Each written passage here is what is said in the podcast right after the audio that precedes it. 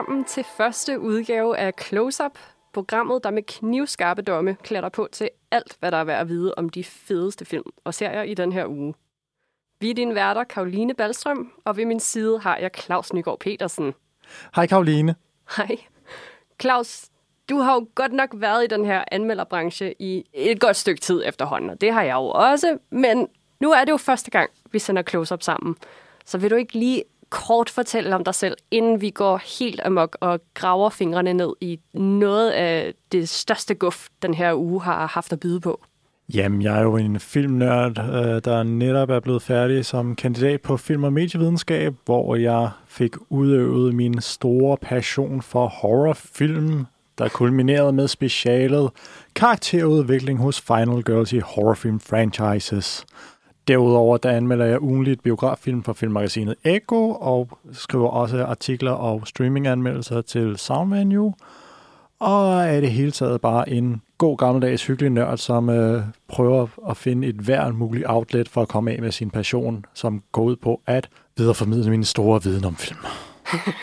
Stor viden vil jeg måske øh, sige en lille smule underdrivelse, vil du ikke det? Jeg husker specifikt en episode, hvor du vist blev sendt til England for at tale til en filmfestival om kannibalisme på film.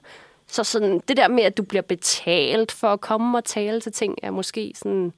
Jo, nu, nu flatterer du mig rigtig meget her, og jeg, mit ego har det fantastisk.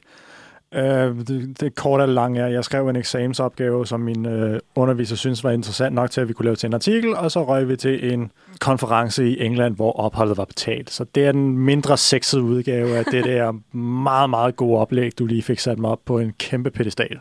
Tak for det. Ja, det var så lidt. Karolina, nu må du også godt lige uh, massere dit eget ego og fortælle lidt om alle dine uh, accolades. Ja, jamen altså, jeg skriver for Soundvenue, og har gjort det et godt stykke tid nu. Jeg har også en kandidat i film- og medievidenskab om to sekunder. Jeg er til min store fortrydelse bare lige altid et skridt bag ved dig, Claus. Men øh, derudover så er jeg sådan lidt en skabsmusical-fan. Jeg har det ikke helt godt med at vide så meget om musical-genren, som jeg gør. Men det gør jeg. Det er meget sjovt at snakke med dig, når du på det kraftigste siger, at jeg hader musicals, og så kan nævne alt inden for en given musicalfilm. Ja, men jeg prøver, man skal kæmpe mod sin natur lidt nogle gange. Og det er jeg rigtig dårlig til, især når det kommer til gyserfilm. Der er du min evige støtte, fordi jeg er så sensitiv over for gyserfilm. Hvad jeg ellers? Øh, jeg er enormt glad for filmlyd og filmmusik.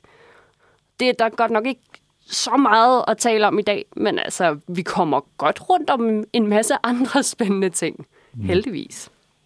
Men før vi kommer for godt i gang, så skal vi måske lige forklare, hvad det egentlig er, pointen med close-up egentlig er.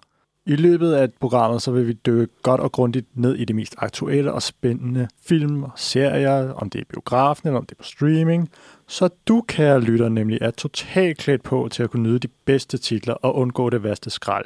Og derfor er vores programslogan den gode, den dårlige og den virkelig nødvendige. og det passer faktisk rimelig spot on til, hvad vi øh, skal igennem i dag. Og i dag står virkelig i biografens tegn, og det passer os jo egentlig meget godt, gør det ikke? Jo, altså det er en, en god biograf kan et eller andet, som en ellers okay god hjemmebiograf ikke helt kan. Nej. Og det er lige godt også nogle øh, forskellige størrelser, vi skal have igennem. For der er jo rigeligt premiere at tage i den her uge, og nogen gør sig måske lidt mere øh, nødvendigt på den store skærm end andre. Blandt andet så skal vi sætte kløerne i den meget hjertevarme komedie Koda om en døv fiskerfamilie, hvis yngste datter drømmer om en sangkarriere. Og hun kan så høre. Ja. Det er så et lille krølle på hanen. og derudover så skal vi også tage et godt skarpt blik på gunslinger-thrilleren Cop Shop. Herlig actionbasker af den gode gamle slags fra 1970'erne. Ja, men først så må vi jo hellere få den helt store basker for ugen overstået. Ugen så ugår om man vil. Ja, det er Marvels Eternals af den Oscar-vindende instruktør Chloe Zhao. Og altså, skal vi ikke bare øh, komme i gang med det med det samme, Claus? Jo. Lad os lige tage et lille trailerklip for at sætte scenen helt rigtigt. We came here 7,000 years ago to protect humans from the deviants.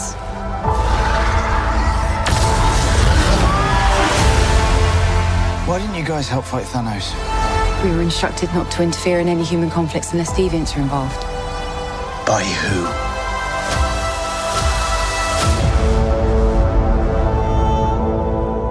Det er godt nok storladen, der hører på det her, var? Ja, det må du lige godt nok sige.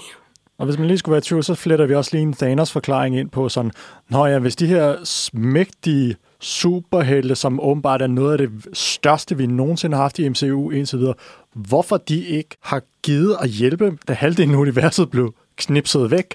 Jamen, øh, de havde fået besked fra deres chef, at de ikke måtte blande sig i det. Ja. Det er lidt frustrerende en omgang, det her. Det er virkelig nogle øh, superhelte, der bare har siddet på deres hænder og ventet rigtig pænt på, at det skulle blive deres tur. Hvad vi hørte i klippet her er Gemma Chan, som er en af The Eternals. Hendes navn er Cersei.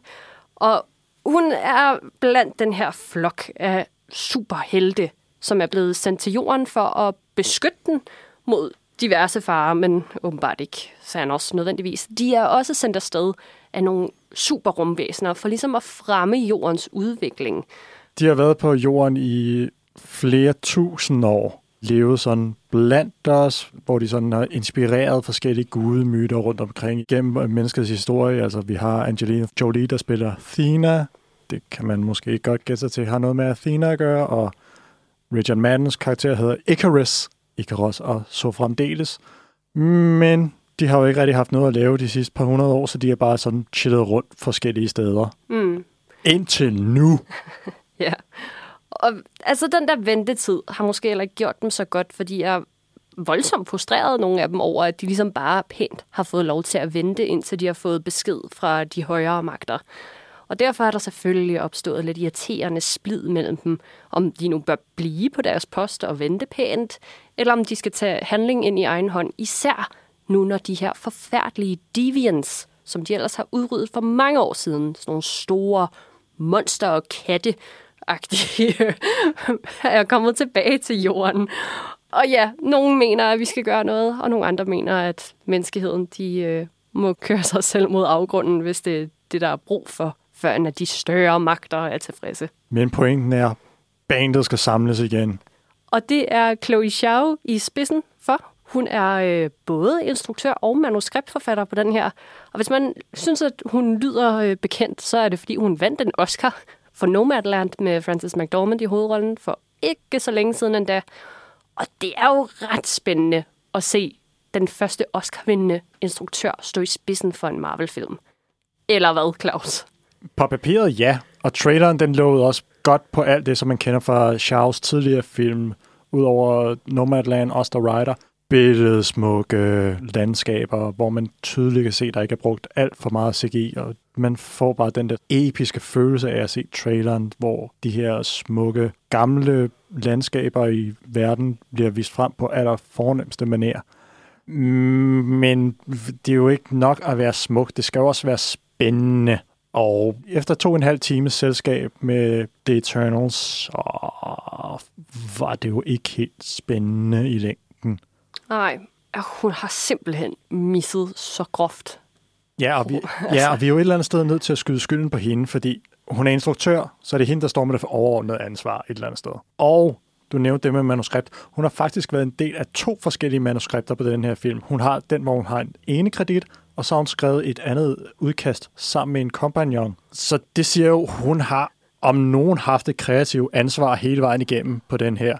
Det er en Chloe Zhao-film, men en Chloe Zhao-film fungerer åbenbart ikke rigtigt med superhelte. Der er også lige det faktum, at The Eternals, det er måske heller ikke den nemmeste øh, flok at arbejde med. Nej, altså det går sindssygt stærkt i den her film på en meget slæbende måde, lad os sige det sådan. Der skal alligevel etableres en rimelig stor håndfuld nye superhelte, som vi forhåbentlig skal gå nok op i, til at vi gider at se en fortsættelse og en fortsættelse igen, og at de så lige møder de rigtige Marvel-superhelte. Og det er simpelthen en stressende omgang, men fortalt så fodslæbende. Hele filmen, altså hele filmen, foregår igennem flashbacks til forskellige nedslag i menneskehistorien, som da atombomben blev til, eller da vi opfandt hjulet, eller Babylons hængende haver gik under, og så videre, som hver eneste gang ligesom forklarer, hvordan det var en af de Eternals skyld, eller et, et udfald fra deres handlinger, som ligesom gjorde, at menneskeheden udviklede sig på en bestemt måde. Og de der flashbacks, bliver så utrolig forudsigelige. Det er så hårdt at arbejde med det der skæbnes element, at det kunne bare ikke være gået anderledes, fordi menneskerne har ikke styr på noget. Vi er overladt til de her supermagter, som vi ikke engang ved findes. Ja, og altså, som jeg har klædet mange gange til dig over. Jeg er fucking træt af, at alle tv-serier, alle film, de skal køre med en fucking flashback-struktur. Stop det nu. Gaming er brugt op nu. Giv mig en dejlig lineær film, hvor vi kun bevæger os ud af en tidslinje, og vi bevæger os fremad. Hold det simpelt, folkens. Man kan godt. Det bliver mere interessant. Vi gider ikke det her flashback-shit mere. Det er unødvendigt, og det bruger for meget tid.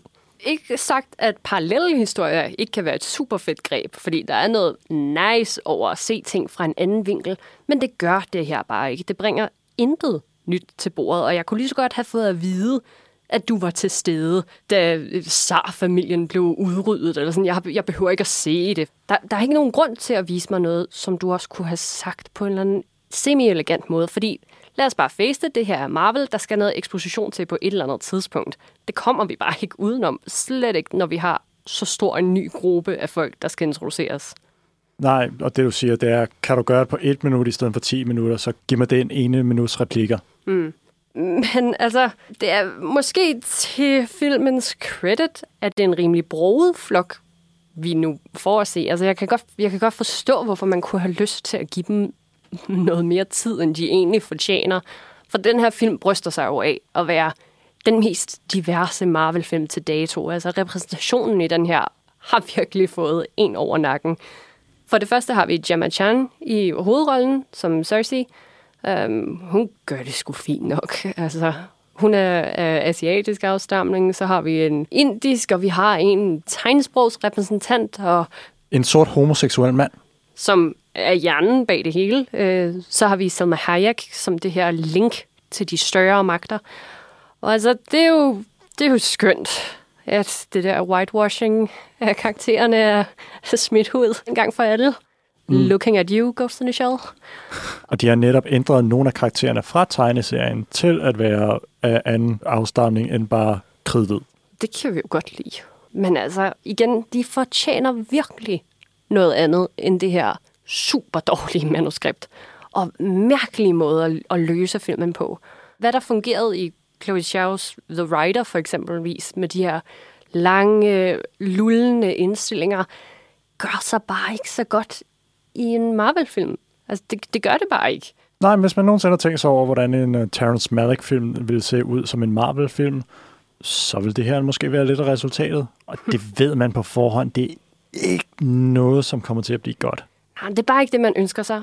Altså, altså, jeg bliver nødt til at sige det der med castingen. Der er simpelthen noget Game of Thrones shit i den her. Jeg forstår ikke, hvad man har tænkt. For det første, så er manden bag musikken på den her, det er Ramin Djawadi, som har stået bag Pacific Rim og Westworld og Iron Man, men også Game of Thrones. Så har vi The Love Interest gang 2, der er et lille trekantsdrama mellem øh, Kit Harington, som spillede Jon Snow i sin tid, og Richard Madden, superhelte-typen, som var Rob Stark. Og de er bare begge to ret vilde med den her karakter, som hedder Cersei, som godt nok er stavet med et S i stedet for et C. Men det er bare det der at se de to gutter stå og snakke om Cersei, er vi i den forkerte tid? Er jeg blevet tidswarpet ind i et eller andet univers, som jeg ikke skulle have været i? Altså, det, det ligner et eller andet fra Westworld, honestly.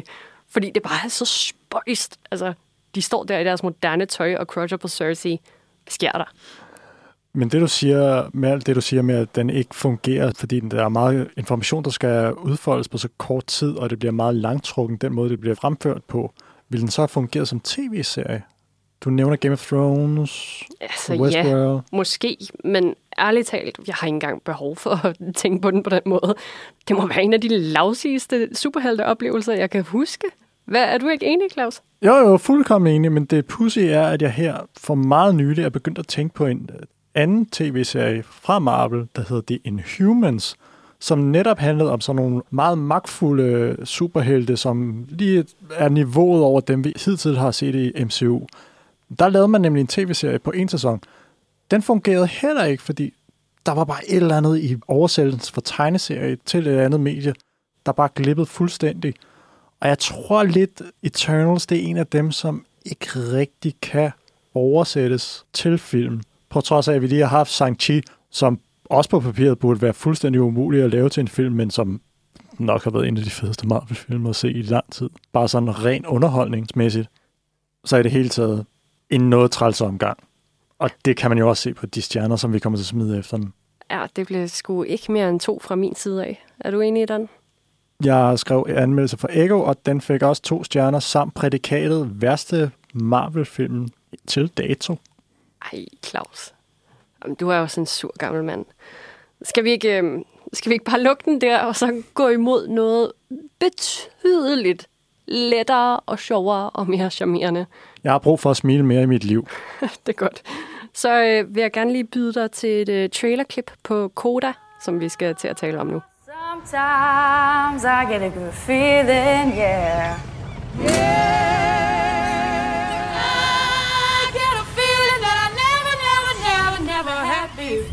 You're the girl with the deaf family? Ja, I just want to tell you right now. And you sing. Interesting. Åh, ja. Emilia Jones i rollen som Ruby Rossi, en ung pige ombord på en fiskerkutter, ejet af hendes døve familie. Den øh, består af hendes mor og hendes far og hendes storebror. Hun øh, får dagen til at gå med at synge, så vågen om morgenen, når hun øh, tager ud på havet med familien, og derefter så går hun ellers bare en rimelig tof hverdag i møde, hvor hun også lige skal passe en skolegang og undertrykke sin største drøm, som bare er at synge, så alle kan høre det. Hun går alt for sent i seng og står alt for tidligt op. Jeg får det simpelthen så dårligt af at se det her. Hun pisker virkelig sig selv. Ja, jamen, det sidste år i gymnasiet, om og om igen. Det er det, der er det sjove ved Koda. Det er på en måde en sammensmeltning af to forskellige film. Vi har et klassisk comic of age drama med Ruby, der skal navigere igennem sent teenage-livet i high school på grænsen til college. Og så har vi en mere klassisk dramedy kombination af drama og komedie i ens interaktion i forhold til familien. Så på en eller anden måde, så er det alt sammen bare en comic of age drama, men alligevel med den lille krølle, at hun er en koda child of a deaf adult. Altså, døv, ikke dead. Jeg troede et godt stykke hen af, af vejen dead adult. Nej, en, øh, en døv forældre eller flere er ligesom, hvad, hvad Koda dækker over. Derudover, så må jeg lige sige, som øh, mangeårig klassisk musiker, Koda betyder også sådan et slags payoff i et musikstykke, eller sådan, ja, den lille krølle på halen, der ligesom samler det hele. Det der er den rytmiske udvikling, og sådan, man kan også kalde det en outro. Og det passer jo virkelig godt til hele det her tema om, skal jeg blive hos mine forældre i det vante, eller skal jeg som individ udvikle mig, og som ung kvinde måske begynde at pille lidt ved det der kærlighed og alle dens slibrige detaljer. Det er genial navngivning, det her, Man, man bliver godt humør af det. Men Rubys overordnede problem, det er, hun skal starte på college snart. Vil hun i hvert fald gerne. Men kan hun tillade sig at forlade familien, som er ekstremt afhængig af hendes hørelse for at kommunikere med resten af miljøet omkring den, især i forhold til familiens fiskeriforretning, hvor hun er den primære kommunikator med de andre hørende fiskere og fiskemarkedet. Mm. Altså, hun har rigeligt på skuldrene, den her unge kvinde. Og midt i alt det her, der bliver hun jo ligesom opdaget i at synge pissegodt. Og øh, det sætter jo øh, skolens musiklærer lige i hælene på hende, som straks begynder at tænke, at hun skal da blive til noget. Og selvfølgelig skal hun da det. Selvfølgelig skal hun det, men det er jo virkelig langt hen ad vejen på bekostning af familien. Og det er super, super tof at se. Men gud, hvor er Koda dog også bare en af de sjoveste film, jeg har set i et godt stykke tid. Især forældrene spillet af de to døve skuespillere, Marley Matlin og Troy Kotsur. Madeline kender nogen måske fra hendes virke som døveaktivist, og for den lille finurlige detalje, at hun i sin allerførste filmrolle nogensinde, Children of a Lesser God, vandt en fucking Oscar for bedste kvindelige hovedrolle. Det er rimelig øh, okay, og det er nogle helt vilde præstationer, de to også giver. Der er noget ekstremt underholdende, men også meget øjenåbne over at se måden, de bruger deres tegnsprog på, og måden omverdenen fuldstændig lukker dem af på forhånd. Det er sjovt, du siger det, fordi hvis vi lige går tilbage til Children of a Lesser God, dengang, der blev tegnsproget ikke oversat på tekster. Der var det en anden karakter, som sådan forklarede, hvad det var, hun formidlede med tegnsprog. Men i Koda, der er vi alligevel kommet et godt stykke frem i tiden, så nu er der tekster på alt, hvad der sker i filmen. Mm. Men størstedelen af filmen er jo igennem tegnsprog, og er du sindssyg, hvor er det bare vildt fedt. Den her fysiske komedie, der også kan komme ind over med brugen af det her tegnsprog, de har nogle fantastiske udtryk, som er så baseret på metaforer også, fordi selvfølgelig er det det, tegnene trækker på. Virkelige ting og virkelige objekter osv., og, og måden, de kan sætte de her ting sammen på. Især øh, Ruby og hendes bror, når de ligesom har sådan en intern konkurrence om, hvem der kan mest farverigt øh, fornærme hinanden, så øh, er, er kussevaffel blandt andet en af dem, jeg godt vil tage med mig. det, jeg er ikke helt sikker på, hvad det betyder, men tegnet for det er, er totalt for vildt. Og ej, hvor er der bare noget, altså sådan, der er noget helt slapstick-agtigt over, især faren også, som øh, bestemt ikke er ked af det sexliv, han stadig har kørende med moren. Øhm, problemet med det er, at det godt nok er de døve forældrene, men, øh, men deres skrig og, øh, og brumme, den kan man altså stadig godt høre, især hvis man er, er gæst hjemme hos familien. Det Og man har værelse lige op af deres soveværelse. Ja, især når man også har den søde fyr fra klassen på besøg. Um, ja, fordi Ruby skal selvfølgelig til den her sangaudition. Om, om hun så ved det eller ej, så er det der, hun skal hen. Og til det skal hun blandt andet bruge hjælp fra en rigtig, rigtig, rigtig sød fyr, som kommer med hende hjem og oplever det her miljø, som Ruby er del af, men som også nu bedre kan forstå, hvorfor hun ofte er blevet mobbet i skolen. For eksempel fortæller hun om, hvordan hun talte anderledes, da hun startede i 0. klasse, fordi hun ikke kom fra et miljø, hvor der blev talt så pokkers meget igen. Øhm, og alt det får vi ligesom også øh, set igennem Rubys nye flirt, som hun lærer at synge en duet med. Og det hele kulminerer jo i den her konflikt mellem at være kodabarn og have nogle forældre, som ikke forstår ens nye store passion. Og det er jo meget fint alt sammen, og det lyder jo dejligt, at hun så også ligesom skal oversætte sin sang til sine forældre, så de kan forstå, hvorfor det er vigtigt, hun gør det her. Men som du også lidt siger, Claus, så er tiden også catchet op nu. Og vi har bare set det her før. Det er meget smukt at oversætte sang til tegn, men det er ikke nyt. Nej, da vi snakkede om den umiddelbart først, så var jeg sådan, wow, der er nogle ting, jeg ikke havde set før. Og så forklarer du meget, meget sådan... Øh, øh, Nøgternt. Ja, nogen vil sige knap så diplomatisk, andre vil sige øh, sådan bare, hold nu kæft, Claus, det er jo set før.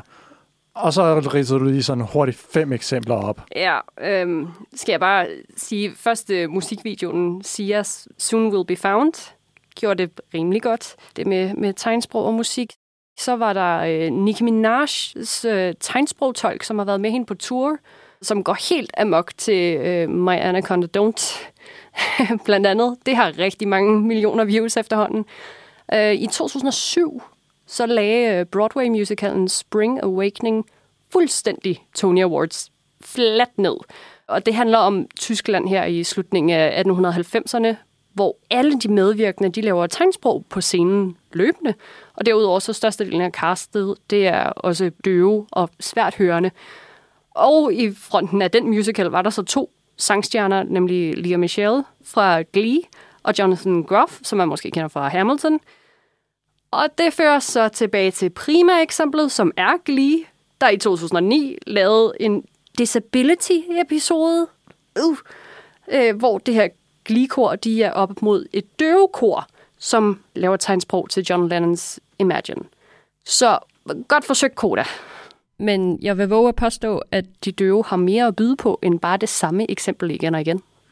Som en, der ikke havde set Glee, så var han meget, meget, øh, meget, meget imponeret, da hun tegntolker øh, den sang, hun er i gang med at synge. Det synes jeg var en meget fin det, ting, men nu hvor jeg så blev klogere, så er det sådan, hov, det er ikke nyt. Nej. Og der er et eller andet med, at øh, noget, der er kommet i hvert fald, skal vi sige de sidste i hvert fald 5 til 10 år, med portrættering af døve på film. Ja, det er stukket rimelig godt af. Altså, det, det er blevet rimelig mainstream at have tegnsprog på film. Shape of Water selvfølgelig, men derudover også A Quiet Place, både 1 og 2, som jo altså smadrer box office, har øh, Michelin Simmons øh, i en af hovedrollerne, som det her øh, døve pigebarn. Hun er døv i virkeligheden også. Det, hun blev fejlmedicineret som etårig og mistede sin hørelse af det. Øhm, derudover så havde vi Sound of Metal, som også var med i Oscar-ræset i 2021. Så har vi Abernes Planet-filmene. Stor fan af Caesars øh, tegn der. Godzilla vs. Kong. Der var også noget øh, tegnsprog indover. Så har vi Baby Driver, There Will Be Blood. Super fed øh, tegnsprogspræstation der af Russell Howard, som var tredje generations døv. Det kommer rimelig godt efter det, øh, vil jeg sige. Men altså især med kvinden, der også spiller moren i Koda. Marlene Matlin, hun er nok et ret godt eksempel på, at øh, der er plads til, at der kan ske et ryg for tegnsprog på film. Mm. Men nogle af de titler, som du, også næv- som du lige har nævnt, der er det jo også hørende skuespillere, der spiller døve. Hvordan har vi det med det? Altså, jeg synes, det er lidt spild. Altså, for eksempel øh, Michelin Simmons fra Quiet Place, hun har specifikt gået på en døve skuespilskole, så der findes sådan nogle initiativer. Altså, øh, listen af højskoleophold, der også findes her i Danmark, hvor man kan komme på skuespil eller på, på teaterkurser osv. for, for døve. Øh, det, det ved jeg sgu ikke. Jeg, jeg føler ikke, der er mangel på, på døve, på, på den front i hvert fald. Nej, så det er mere, at de får, muligheden, men skal man så, øh, så kommer vi måske ind på en af de evindelige debatter, som i hvert fald en filmproducent vil sidde sådan, skal jeg tage den, der er bedst til jobbet? Skal jeg tage den, der er mest autentisk til jobbet? Eller den tredje kategori, skal jeg betale den, som er det navn, folk kender bedst? Mm. Tja.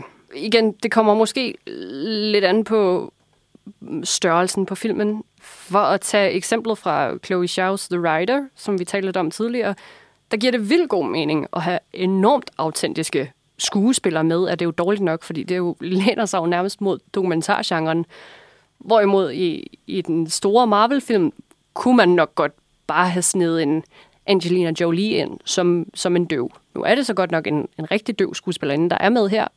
Øh, men det vil være et af de gange, hvor jeg tænker, så falder den nok over i den i gåsøjne forkerte grøft. Mm. Men øh, om alt er, så må jeg sige, at Koda i hvert fald, øh, den ramte nok dig hårdere, end den ramte mig. Er du villig til at kaste nogle stjerner efter den? Jamen altså, jeg er jo en sukker for sådan uh, lidt comic of age dramaer og en uh, hård fiskertype, der ser meget, meget hård ud, men er blød på bunden. Så der er fire meget, meget, meget store skrigende, tudende stjerner fra min side af. ja, okay. Jamen, det kan også godt blive til, til fire fra min side. Jeg kunne godt have tænkt mig at se noget nyt. Og som det jo er med film, der har døve karakterer, så er der rigtig meget sjovt, man kan lave med lyddesignet. Men det manglede der også lige lidt i den her omgang. Så fire små. Men den er dødscharmerende, så bestemt et kig værd. Fra et stille og roligt comic of age drama går vi direkte over i en gedin actionbasker med en mand, som ekstremt gerne vil i fængsel, som vi kan høre nu. When are you gonna arrest me? One of you people, please arrest me. You're under arrest. So why were you looking to get locked up, Theodore? I'm a professional. You pissed off the wrong people. I'm gonna kill you.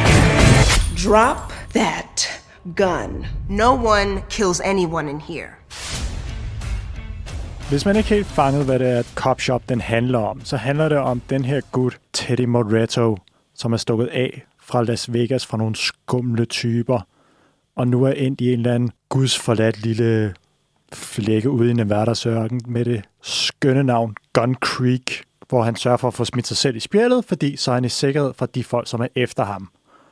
Tror man i hvert fald, fordi ikke så snart har han siddet derinde i et stykke tid, før ind træder en meget, meget fuld Jared Butler, som måske ikke er så fuld igen. Han er overhovedet ikke fuld. Han spillede det bare for at få lov til at blive smidt i spjældet, fordi han er ude efter Teddy. ja. Hvis der, altså, Jared Butler er nok på listen over folk, jeg mindst vil have i hælene.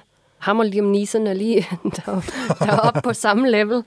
Han er ikke en gut, man skal fuck med Butler som Bob Wittick. Han er øh, en sand morder. Lad os bare sige det sådan.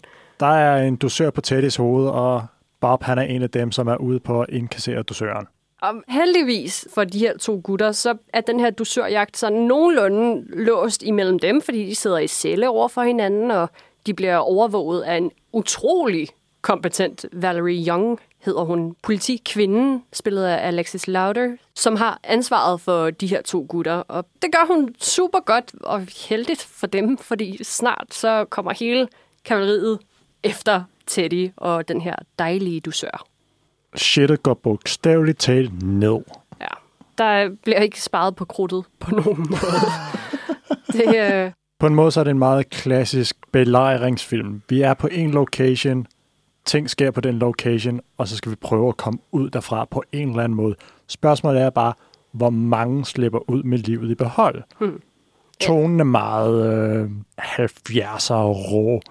Hvis man tænker sådan lidt Quentin Tarantino-agtig, bare lidt mere mm, tv. Ja, en, en kombination af Edgar Wright og Tarantino. Lidt mere, lidt mere lavbudget.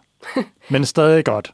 Ja, Hvis man ja. har set instruktøren Joe Carnahans, en af hans forrige film, der hedder Smoking Aces, så er man fuldt ud med på, hvad det er for en tone, vi arbejder i. af galskab og våben og vold.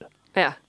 Der er også bare noget ved den her politistation location, som øh, de to fanger sidder låst inde i. Der, er- der er bare mange fede gange, og der er noget bevismateriale, nogle stoffer og sådan noget. Det forsvinder lidt, fordi politibetjentene ikke er helt lige så gode, som de måske ser ud. Og så er der hele dynamikken i, at hun ligesom er kvindelig betjent, og hun bare har meget bedre styr på sit shit, end alle de andre mænd har. Og der er en fed chef, som råber for meget, og ja, der er rigeligt glas, skal jeg også lige sige, som kan blive plukket i stykker, og det er en ren fornøjelse. Netop det, du siger med, at der er en chef, som råber lidt for meget, det er jo sådan lidt en karikatur, vi kender. Det er på en måde, så er den meget karikaturdrevet, men det er en underholdende karikatur, frem for den måde, som vi så i Eternals, hvor de bliver mere karikaturer frem for de nuancerede mennesker, som filmen gerne vil have, at de skal være. Her, der gør det ikke noget, at vi har en karikatur, fordi vi er med dem i den her nat, hvor handlingen udspiller sig, og det er det. Så vi skal ikke vide noget om sådan, åh, hvad deres følelsesmæssige ændrer. Vi er bare interesseret i, hvorfor de er der lige hurtigt kort, og om de kommer ud med livet i behold. Lad os bare sige, det er ikke alle, der gør det. There will be blood. Ja. Det er ærligt talt også en smule svært for mig at se den her film, uden også lidt at tage den i lyset af en meget forfærdelig begivenhed, som alle næsten må have hørt om efterhånden, om, øh, om ulykken på Alec Baldwin-filmen Rust, som blev optaget i New Mexico, hvor det endte fatalt den 21. oktober for øh, filmfotografen, og instruktøren slap med livet i behold, men, øh, man kom også til skade. Ja, det groteske, som sker, som aldrig må ske, det er, at de skal til at øve en scene, hvilket man nogle gange gør. Alec Baldwin får udleveret et våben, hvor i der befinder sig rigtig ammunition. Så i det, han står og øver sig i at lave et sådan, det, som man kender fra westerns, et quick draw, og så affyrer pistolen, går den igennem brystkassen på fotografen og rammer, som du siger, øh, instruktøren i maven. Det må jo fandme aldrig ske, det her, at der er rigtig ammunition i et våben. Det er helt åndssvagt. Altså, da jeg har læst nogle undskyldninger om sådan, ah, det er et periodedrama som Rust, så der er noget med, at man bruger en anden slags våben, så det er muligvis der, der er gået noget galt. Der er personen, der skal håndtere våbne, en armorer, som måske ikke har haft- været helt, haft en fornødende træning eller sådan noget. Men det er jo alt sammen bare vrøvl alt sammen. Der er jo noget, der er gået fuldstændig galt et eller andet sted. Det har du fuldstændig ret i. Øh, det er bare Øh, for mig en smule svært at se Cop Shop nu, fordi der er så mange sekvenser, hvor det ligner, at de sidder over for hinanden, peger på hinanden, som man nu især i lyset af Baldwin-sagen her, selvfølgelig har der også været sager før, men nu er der særlig fokus på de regler og forhold, der skal være til stede, før man må lave sådan nogle sekvenser. Og med Cop Shop er der særlig en sekvens, hvor netop den kvindelige betjent, som er en gunslinger-type, ligesom Baldwin skal forestille at være det i Rust, hvor hun også sidder og peger på en af sine partnere, og han peger på hende, og de trækker samtidig og skyder blankt på hinanden. Der er, ikke, der er ikke nogen kugler i deres pistoler, og det er ligesom en del af deres interne leg, en lille gimmick, de to har kørende, når de keder sig. Men man får simpelthen så dårlige nerver af at se det netop i lyset af den her sag. Jeg sad for læse op på det her, så kiggede jeg ind på sådan, hvad er reglerne egentlig for, hvordan de her ting de skal være. Det er, at der hele tiden skal være en person, som er ansvarlig for de her våben, og på intet tidspunkt må udlevere dem til en anden person, uden at den person har fået ordentlig våbentræning. De her regler, sidst de er blevet ændret, det er tilbage i 2003. Uff. Det er mange år siden, der sidst er blevet kigget på de regler. Altså, og netop det med, at, at vedkommende der også modtager våbnet. Altså, det, det er jo en prop gun, når, når det er på sådan nogle her sets. Og, og at den person også skal have træning, er jo det, der i sidste ende er, gør den helt store forskel. Og nu må tiden vise, hvad, hvad dommen bliver på Baldwin, men hvis han havde vidst, hvad han kiggede efter, og hvis han også havde, havde gjort sit, så ville det her ikke være sket. Nej, du, vi, før vi gik i studiet, så nævnte du jo, at du teknisk set har haft at gøre med prop guns i din fortid. Ja, det er rigtigt nok. Nu skal vi endelig bruge min militærtid til noget. Ja, øhm, nej, det er rigtigt. Jeg har, jeg har haft meget med prop guns, kan man jo egentlig godt kalde det, fordi prop gun kan dække over rigtig mange forskellige ting. Det kan både være sådan en plastikpistol, eller det kan være et ikke-fungerende gevær, øhm, som har nogle affyringsmekanismer alligevel. Men så kan det også være et rigtigt våben, som vi må gå ud fra, at det har været med Baldwin her, som er modificeret til ligesom at kunne tage imod blank ammunition, og det er særligt det, jeg har haft med at gøre. Og det, altså, det ligner til forveksling, ligner det her blanke ammunition let ammunition, fordi det har det her hylster, og der er noget krudt ind i, som siger bang og giver et lys for enden af riflen, og det er jo også en af de gode grunde til at, at have det med. Men det udsender ikke et projektil. Der er ikke den her lille metalspids ude på enden, som ligesom bliver sendt afsted af sprængstoffet. Så ja, derfor kalder man det blank ammunition, fordi der ligesom mangler den her spidse tip for enden. Øhm, selvom der ikke er ammunition i, som der jo var på Rust, så kan det jo godt gå galt alligevel. Øh, altså, The Crow-ulykken er jo nok den mest kendte prop gun-ulykke nogensinde. Ja, det var en grim en. Øh, nogle øh, kender måske Bruce Lee. Han havde en søn, der hed Brandon Lee, som spillede hovedrollen i den her film om en person, der bliver dræbt og vender tilbage fra de døde, for så at tage hævn over dem, der har slået ham ihjel. I scenen, hvor karakteren skal dø første gang, der bliver han skudt. Problemet er, at der er noget i håndteringen af det her våben, så der stadig sidder nogle små fragmenter tilbage i løbet, så der bliver skudt med våbnet med den blanke ammunition, så ryger det her lille fragment ind i maven på ham og sætter sig ind omkring ryggraden, så han desværre ender med at dø. Øh, og siden da, så er der også kommet, det er jo blandt andet en af dem, som var den store katalysator for, at der blev revideret på, hvordan håndterer vi våben på sæt. Men noget af det, som man også kan læse sådan forskellige steder, det er, at hvis en produktion er presset, så begynder fejl at opstå. Så er det nogle ting, ikke bliver pakket ordentligt, nogle utilfredshed, noget tid skal bare hurtigt gå videre.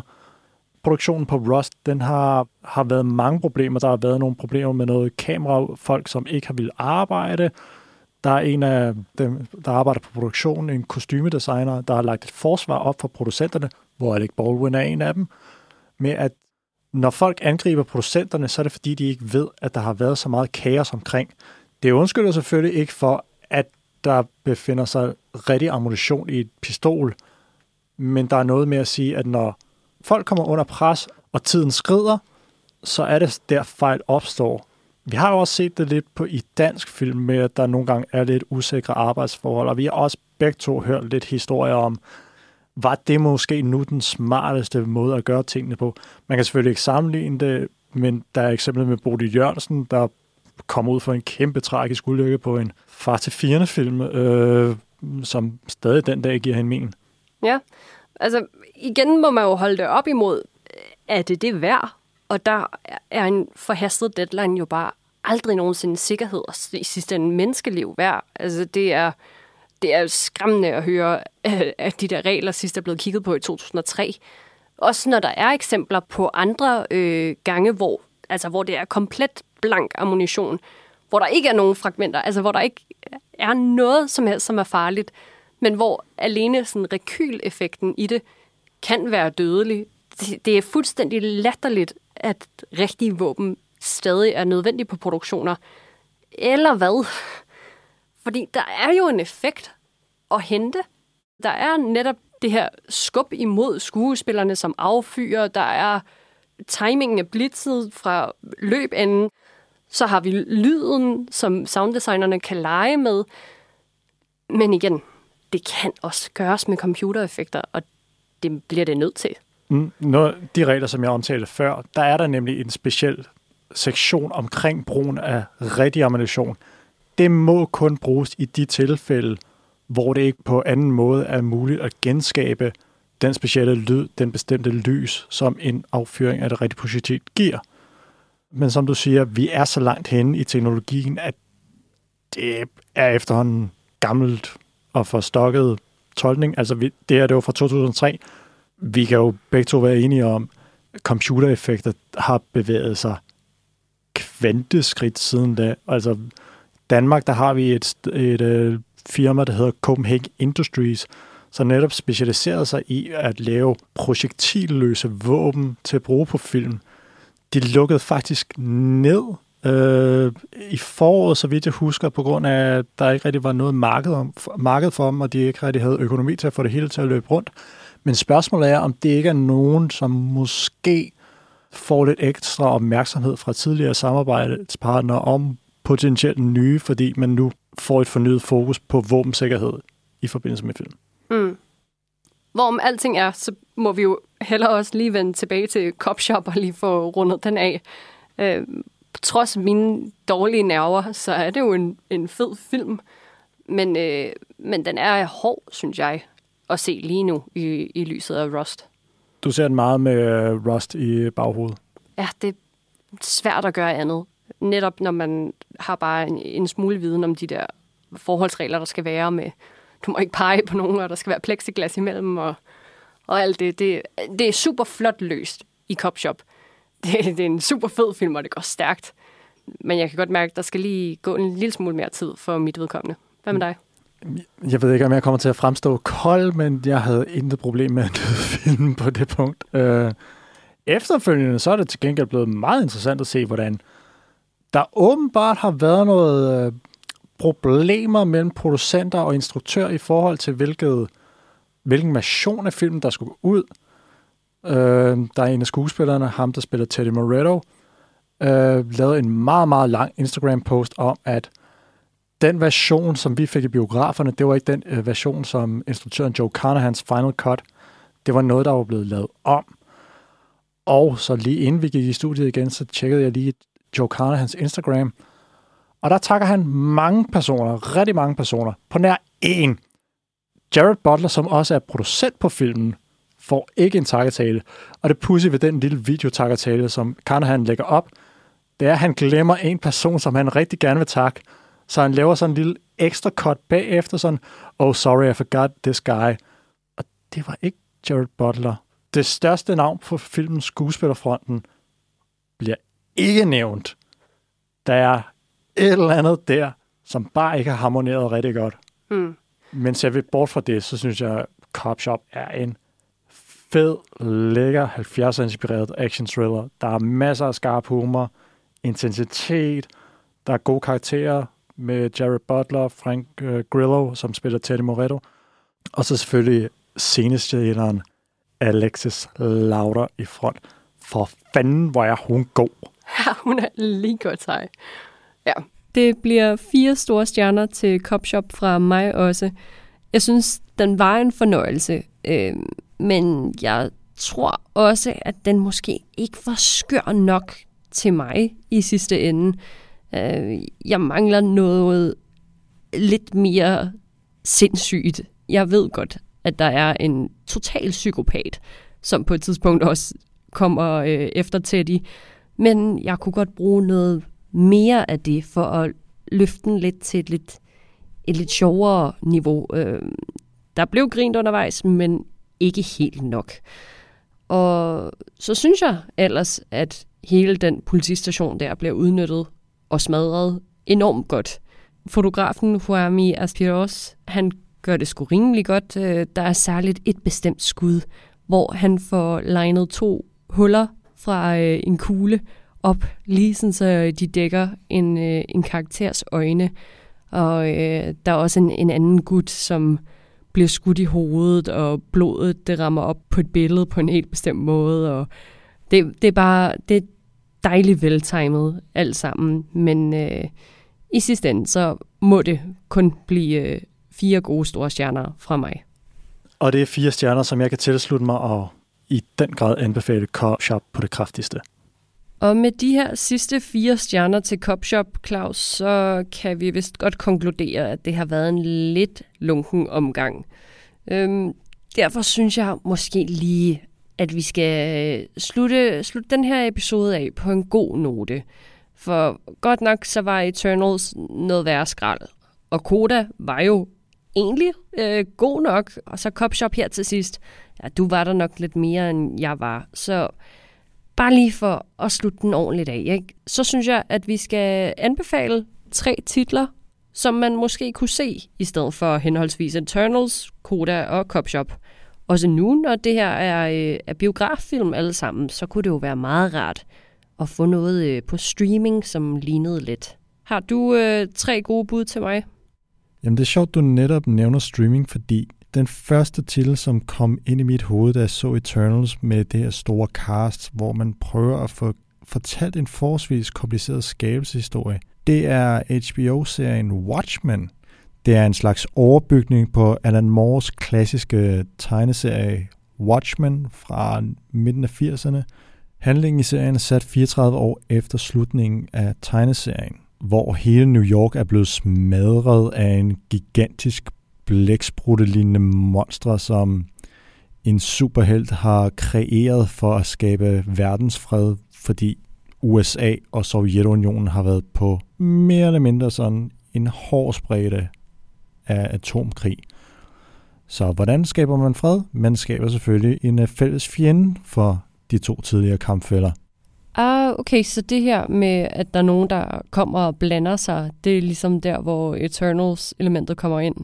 Det var sådan den lidt mere sådan eksistentielle superhelte-serie. Hvis vi går videre til, hvad jeg vil anbefale i stedet for Koda, jamen så er jeg meget, meget, meget basic bitch her og vælger den film, som Koda er en genindspilning af, nemlig den franske film Familien Bellier, hvor handlingen i bund og grund er den samme som den amerikanske genindspilning, dog med den lille øh, forskel, at de ikke arbejder på en fiskerbåd, men at de har et landbrug. Jeg har kun selv set lidt af den. Jeg mangler stadig en øh, god times tid af den, men det, jeg har set indtil videre, det er underfundig humor kombineret med den her sådan lidt, lidt dramatiske kant, men sådan den her sådan lidt mere særpræget franske stil, hvor man alting er lidt mere overdrevet, hvor den amerikanske måske er mere underspillet. Så det er sjovt at se forskellen i de to, men også de mange lighedspunkter, som et eller andet sted er imellem. Så er der jo Copshop, hvor du nævnte, at den øh, måske ikke var helt vild nok. Der er ingen tvivl om, hvad for en film det så er, der skal anbefales. Det er en, som jeg tidligere har nævnt, det er Smoking Aces, øh, Joe Carnahans anden film. Et usædvanligt stort cast, der tæller Ben Affleck, Chris Pine, Ryan Reynolds, alle sammen sådan lige omkring, hvor de sådan enten er på toppen af deres første karriere, Ben Affleck, eller sådan er i begyndelsen af karrieren med Chris Pine og Ryan Reynolds, hvor de endnu ikke rigtig er blevet de her megastjerner, og det er fuldstændig galskab. Handlingen er forbløffende ens med Cop Shop. Der er en person, som øh, forsøger at stikke af fra en masse legemorder, fordi der er en pris på hans hoved, fordi han ved nogle ting. Og filmen forløber som en konkurrence om, hvem der først får nakket Buddy Ace Israel. Fuldstændig vanvittig. Om muligt mere grotesk end den her. Meget mere humor, meget mere overdreven vold. Den er meget nuller i sin indgang. Der er ikke den her sådan raffinerede øh, hyldest til 70'er film. Det her det er bare fuld skrue, og det er ikke helt forkert at kalde det en film på coke, men øh, ja. Okay, ja ja. Jamen altså, øh, det lyder jo ikke helt dårligt. Jeg vil øh, også lige øh, give mig i kast så til at starte med Eternals. Jeg er så frustreret over det her gudekompleks om, at menneskeheden ikke er fri for egen handling, og vi skal have hjælp udefra, og alting er sket af en særlig forudbestemt grund. Og det sender mig simpelthen tilbage til min barndom, hvor øh, jeg var så dybt fascineret over det her nævnyttige lille eon i Ice Age-filmene, som får sit æren til at sidde fast alle mulige mærkelige steder, som gør, at når han mere eller mindre ubevidst begynder at hive i det, så øh, river tektoniske plader sig løs, og han kommer til at udslette dinosaurerne ved en fejl. Og det minder mig bare ærligt talt en lille bitte smule om måden Eternals de også øh, går rundt og skaber lidt for meget historie, mere eller mindre ubevidst. Det gør mig træt sådan noget der. Så kommer vi til Koda. Der ved jeg næsten ikke, om jeg har lyst til at give en anbefaling. Både nu med originalen, men også bare i det hele taget, synes jeg, Koda var så fin. Der er ikke så meget at komme efter der, men hvis jeg skal komme med et lidt andet bud, så har øh, Pixar i 2018 lavet en kortfilm, der hedder Bao, som handler om en kanadisk-kinesisk mor, som har lidt svært ved at lade sit barn udvikle sig, som han har lyst. Og hele den her kortfilm foregår uden tale, så der er lige lidt øh, koder der. Og det er ikke helt det samme selvfølgelig som koda, men det har lidt de her samme tematikker om, at det er øh, helt vildt svært både for barn og forældre at se den anden øh, udvikle sig længere og længere væk fra reden. Så øh, den Oscar-vindende Pixar Bao er måske et øh, bud til den. Og at komme med et alternativ til Cop Shop, det er jo næsten fornemt, ikke? Altså, det må jo være Bad Times og The El Royale, Drew Goddards ekstremt underholdende thriller med blandt andet Chris Hemsworth i rollen som en øh, slangehofte mand, der får fældet damerne på stribe, og Dakota Johnson, som måske lidt er pangdangen til vores øh, kvindelige politibetjent. I min bog et rigtig, rigtig flot eksempel på, at mange karakterer mødes på en location, og så går det bare ellers helt ned. Det var vist alt, hvad vi nåede for den her gang, Claus. I denne omgang første close-up-sending nogensinde. Men altså, nu skal folk jo ikke øh, frygte for meget og vente derude. For vi vender snart stærkt tilbage, hvor vi har endnu flere nye titler under lupen. Blandt andet så står det jo på den omdiskuterede Titan. Filmen, der har lagt festivaler ned og allerede har en hype, der minder om Bong Joon-ho's Parasite. Oh, shit. Hvad skal vi ellers tale om, Claus? Den første danske HBO-serie nogensinde, Kamikaze. Oh. Den fortjente også et oh. Og derudover så øh, er der jo en festival, CBH Pix, som løber over stablen. Den skal vi også lige kigge på, ikke? 5 dage, 14 film. Der må være et eller andet godt, vi skal kigge lidt nærmere på. Og måske tale lidt om, hvordan festivaler har det nu til dags. Ja, vi lyttes ved.